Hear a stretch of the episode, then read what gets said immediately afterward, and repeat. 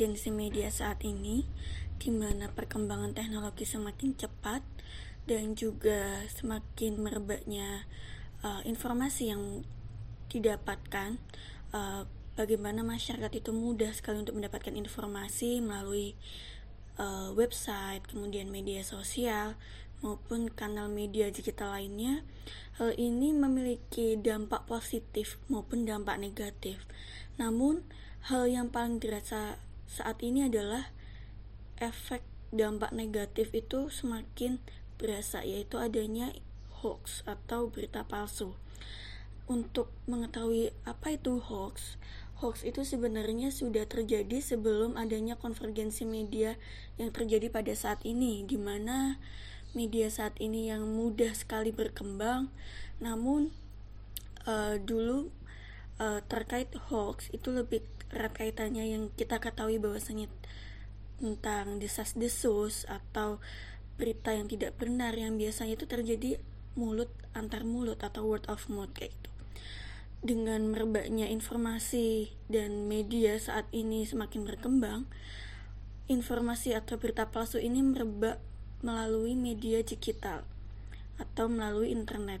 Oleh karena itu, apa sih yang dimaksud dengan hoax? Hoax merupakan informasi atau berita yang berisi hal-hal yang belum pasti atau yang benar-benar bukan merupakan fakta yang terjadi.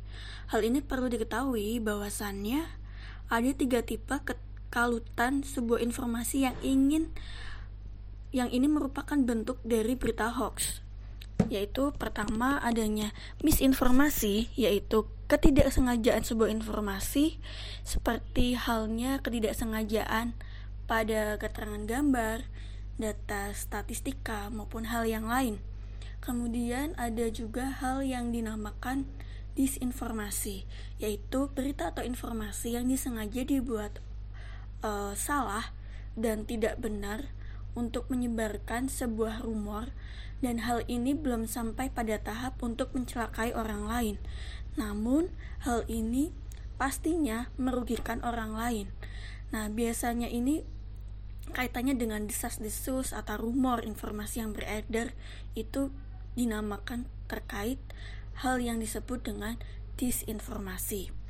Kemudian yang terakhir adalah malinformasi, yaitu berita ini emang sengaja dibuat untuk melukai orang lain dan hal informasi yang dibuat ini biasanya ditujukan lebih ke ranah personal seperti itu. Nah, jika semisal contoh kasus pada berita clickbait yang biasanya uh, terjadi pada fenomena saat ini uh, dan ini memacu adanya berita hoax karena inf jenis informasi tersebut bisa jadi berupa uh, jenis informasi disinformasi.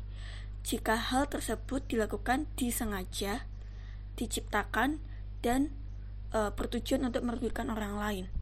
Lalu, bagaimana karakteristik informasi hoax? Karakteristik berita hoax ini memiliki beberapa karakteristik, di antaranya umurnya lebih awet jika kita tidak mengendalikan secara cepat dan tepat. Kemudian, lebih jauh dan luas jangkauannya kemudian lebih cepat perjalanan mencapai publik hingga kita kadang mud, uh, sulit untuk menjangkau. Kemudian yang terakhir adalah lebih dalam efeknya terhadap masyarakat luas. Lalu, apa yang mempengaruhi adanya hoax? Secara tidak langsung, banyaknya masyarakat yang mudah untuk dipengaruhi informasi dan berita hoax yang memiliki kata-kata seperti viralkan atau hal yang bersifat bombastis agar dapat meyakinkan masyarakat bahwa berita itu nyata adanya. Hal tersebut juga dipengaruhi oleh sistem kerja otak kita pada bagian reptilian brain yaitu memiliki fungsi mengatur tubuh dan kebiasaan kita ketika akan mengambil suatu keputusan yang cepat untuk fight atau flight dalam keadaan terdesak. Nah, hal ini biasanya dikaitkan dengan komunikasi dan emosi. Makanya mengapa tanpa kita sadari bahwasanya kita mudah sekali terpapar informasi hoax karena secara tidak langsung itu sudah ada di kinerja otak kita tuh sudah bermain dari segi komunikasi maupun emosi seperti itu makanya hal narasi-narasi yang biasanya digunakan pada uh, informasi hoax atau berita palsu itu adalah dengan kata-kata hal yang bersifat bombastis kemudian hal-hal yang bersifat kita secara tidak langsung memviralkan secara tidak sadar dan lain sebagainya. Lalu, apa sih yang menjadi faktor lain mudahnya informasi hoax ini?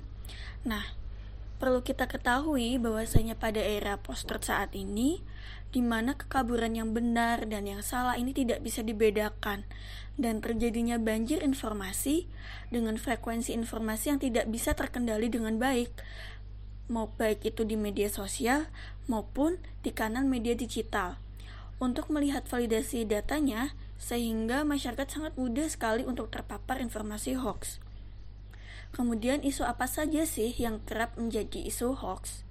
Menurut penelitian Mastel pada tahun 2019, uh, eh, penelitian ini menyampaikan bahwasanya isu-isu yang paling tinggi adalah yang pertama, isu politik.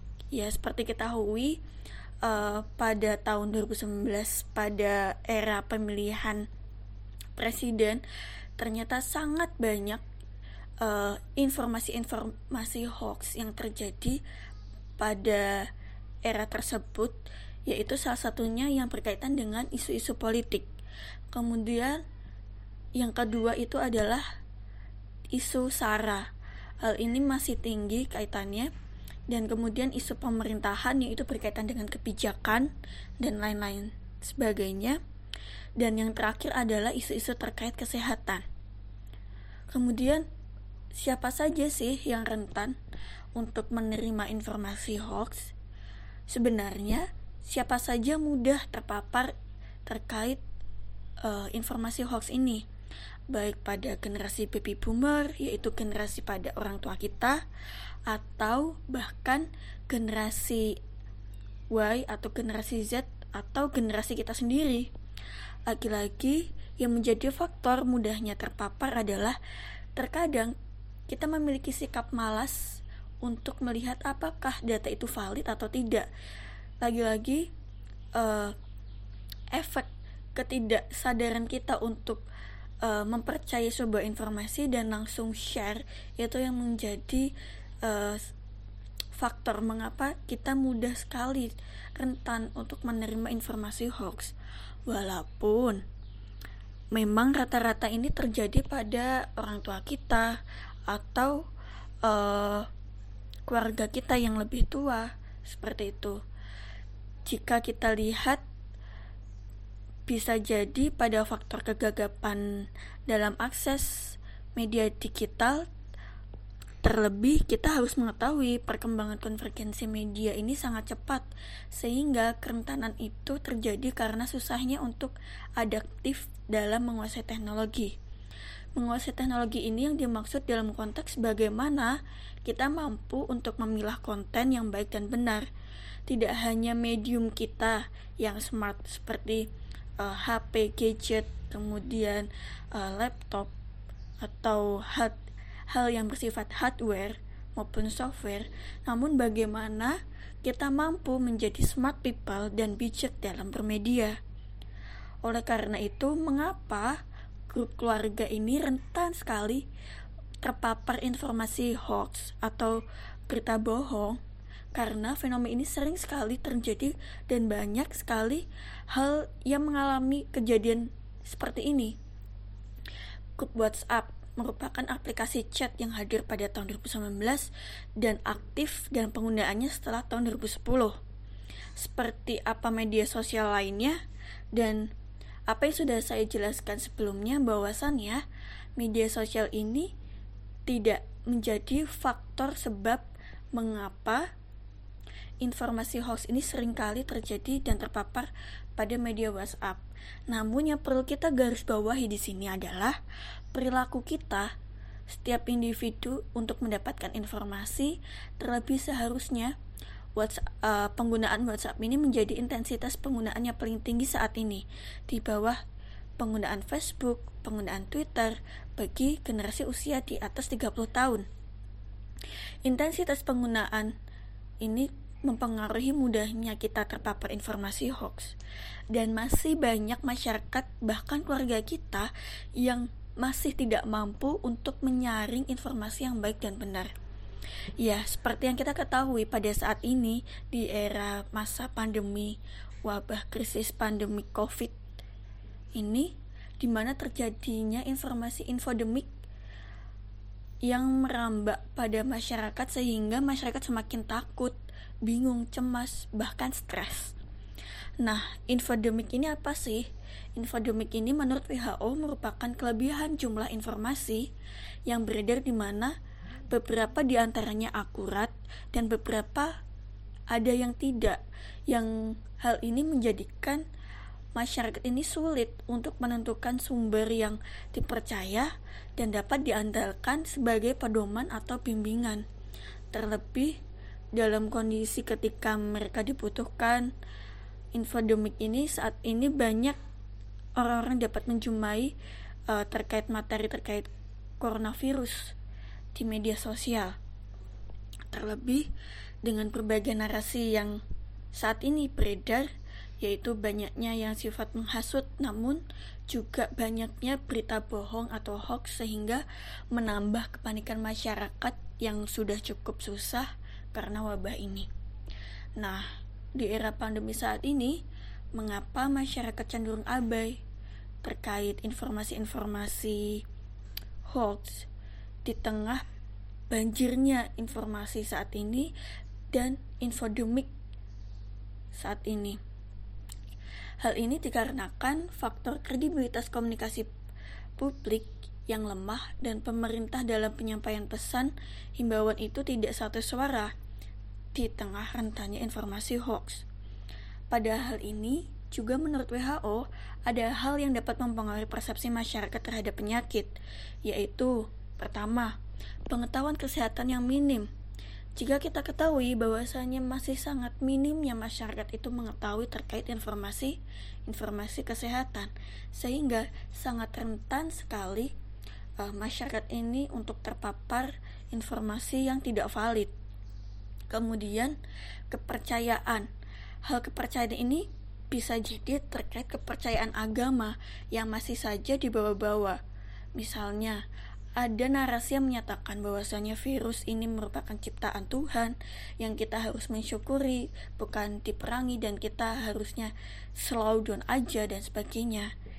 Kemudian adanya sikap irasional atau tindakan irasional yang merupakan tindakan antipati dan ini merupakan uh, dasar mengapa kita gampang sekali terpengaruh informasi hoax dan biasanya uh, yang terakhir adanya lingkungan yang mempengaruhi uh, kita untuk terpapar informasi yang tidak benar yaitu di media sosial ketika filter bubble ini kita dipengaruhi oleh konten-konten yang kita tidak sadari itu konten-konten yang negatif, maka kita akan terbawa arus ke arah konten-konten negatif.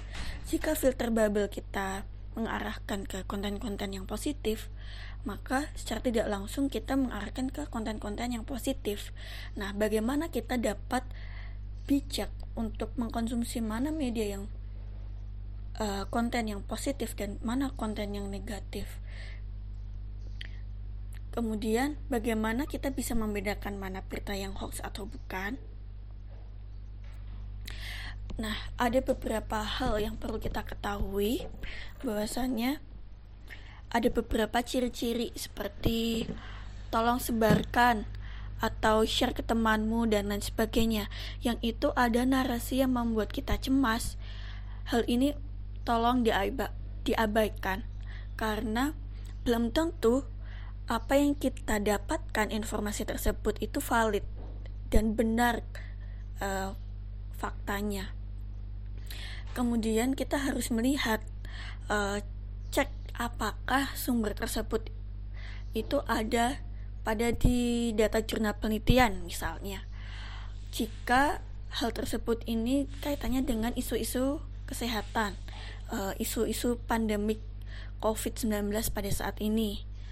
Atau tanyakan jika punya kerabat yang berkaitan dengan isu tersebut. Atau lihat dari pemberitaan media untuk cek fakta.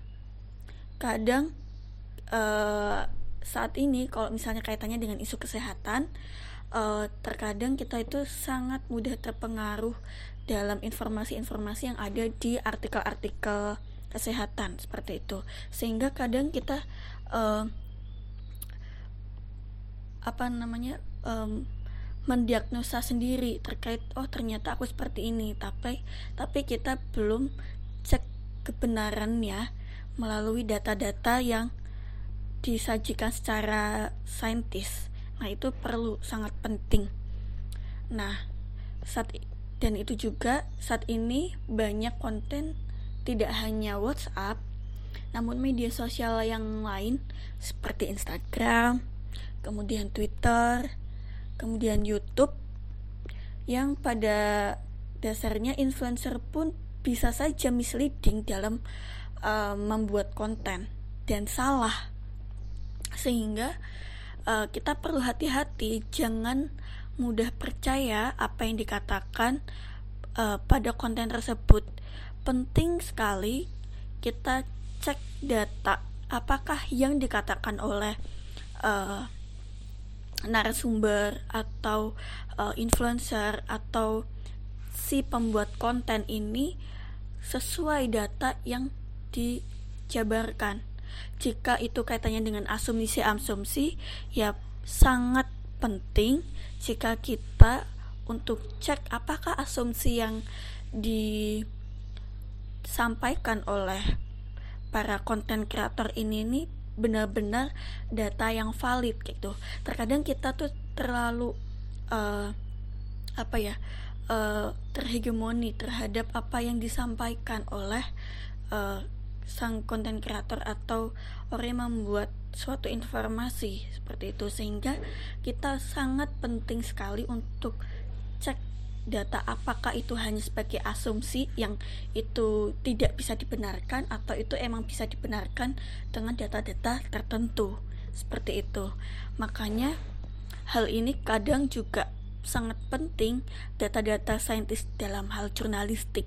Ketika uh, jurnalistik sains ketika uh, data-data informasi artikel yang dihubungkan dengan data penelitian atau data kuanti itu yang menunjukkan uh, data itu valid dan emang benar keberadaannya karena ada riset-riset yang sudah dilakukan.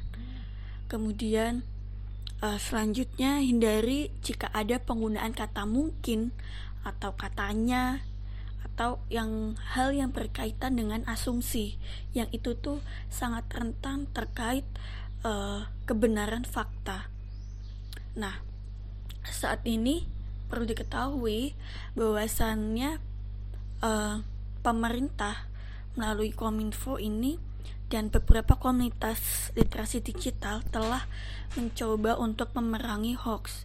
Seperti adanya kebijakan undang-undang ITE walaupun undang-undang ini masih banyak pertentangan. Namun di sini ada hal yang perlu kita ketahui lagi bahwasannya uh, adanya hoax poster di mana kita bisa cek dan recheck apakah data yang kita dapatkan atau informasi yang kita dapatkan ini valid atau tidak. Dengan beberapa uh, yang sudah disampaikan melalui aplikasi atau uh, link biasanya menggunakan link. Uh, kemudian cek data fakta pada media yang sudah dipaparkan. Uh, saat ini uh, seperti Tirto ID atau media-media mainstream lainnya sekarang sudah menggalakkan uh, cek data antara ini data berita valid atau tidak. Uh, dan ini sudah dilakukan namun mungkin intensitasnya uh, tidak sebanding berita hoax yang uh, frekuensi berita hoax yang dikeluarkan karena uh, frekuensi itu ternyata lebih banyak dan lebih luas jangkauannya sehingga uh, memang pentingnya uh, kolaborasi kita bersama untuk bersama-sama untuk bagaimana kita memberitahu mana informasi yang benar atau yang salah kepada masyarakat jika kita uh, benar-benar sudah merasa terliterasi hal tersebut dan juga uh, kampanye literasi media digital ini sangat penting. Nah, literasi media digital ini ini berkaitan dengan tataran uh, inti hingga tataran yang bersifat makro tataran inti ini bers, uh, yang berkaitan dengan mungkin kenapa merabaknya informasi hoax yang ada di grup keluarga WhatsApp ya di media WhatsApp mungkin kita bisa memulainya pada diri kita sendiri untuk memberitahukan uh, memberitahukan terkait informasi mana yang baik dan benar. Kita perlu mengadakan literasi media di lingkungan keluarga. Bagaimana kita memberikan info, uh, proteksi mungkin kepada adik kita atau anak atau uh, yang orang tua kita yang istilahnya uh, mereka ini memiliki sifat kerentanan dalam hal beradaptasi menggunakan teknologi. Uh, seperti pemantauan itu lebih penting pada ranah uh, lingkungan keluarga, apalagi pada golongan anak-anak ya. Kemudian di ranah middle yaitu ranah uh, korporasi, organisasi, instansi maupun ranah-ranah komunitas itu juga sangat penting untuk kita memberitahukan eh, kebijakan-kebijakan apa, kemudian ranah ranah-ranah apa yang perlu kita uh, kasih tahu tentang in mana informasi yang benar dan mana informasi yang salah uh, terkait grouping ya atau uh, kita perlu bagaimana opini kita harus menjadikan uh, suatu sebuah opini leader untuk uh, merambak ke pada literasi digital ini seperti itu. Selanjutnya sifat makro. Nah, sifat makro ini adalah sifat yang berupa kebijakan pemerintah itu sendiri, uh, di mana regulasi-regulasi terkait penyebaran informasi ini emang sangat penting untuk diperketat sebagaimana uh, adanya sinergitas uh, bottom up dan top down yang untuk memerangi informasi-informasi hoax. Selain itu, pentingnya dia digital karena tidak semua informasi yang kita dapatkan itu informasi yang sehat dan informasi yang benar.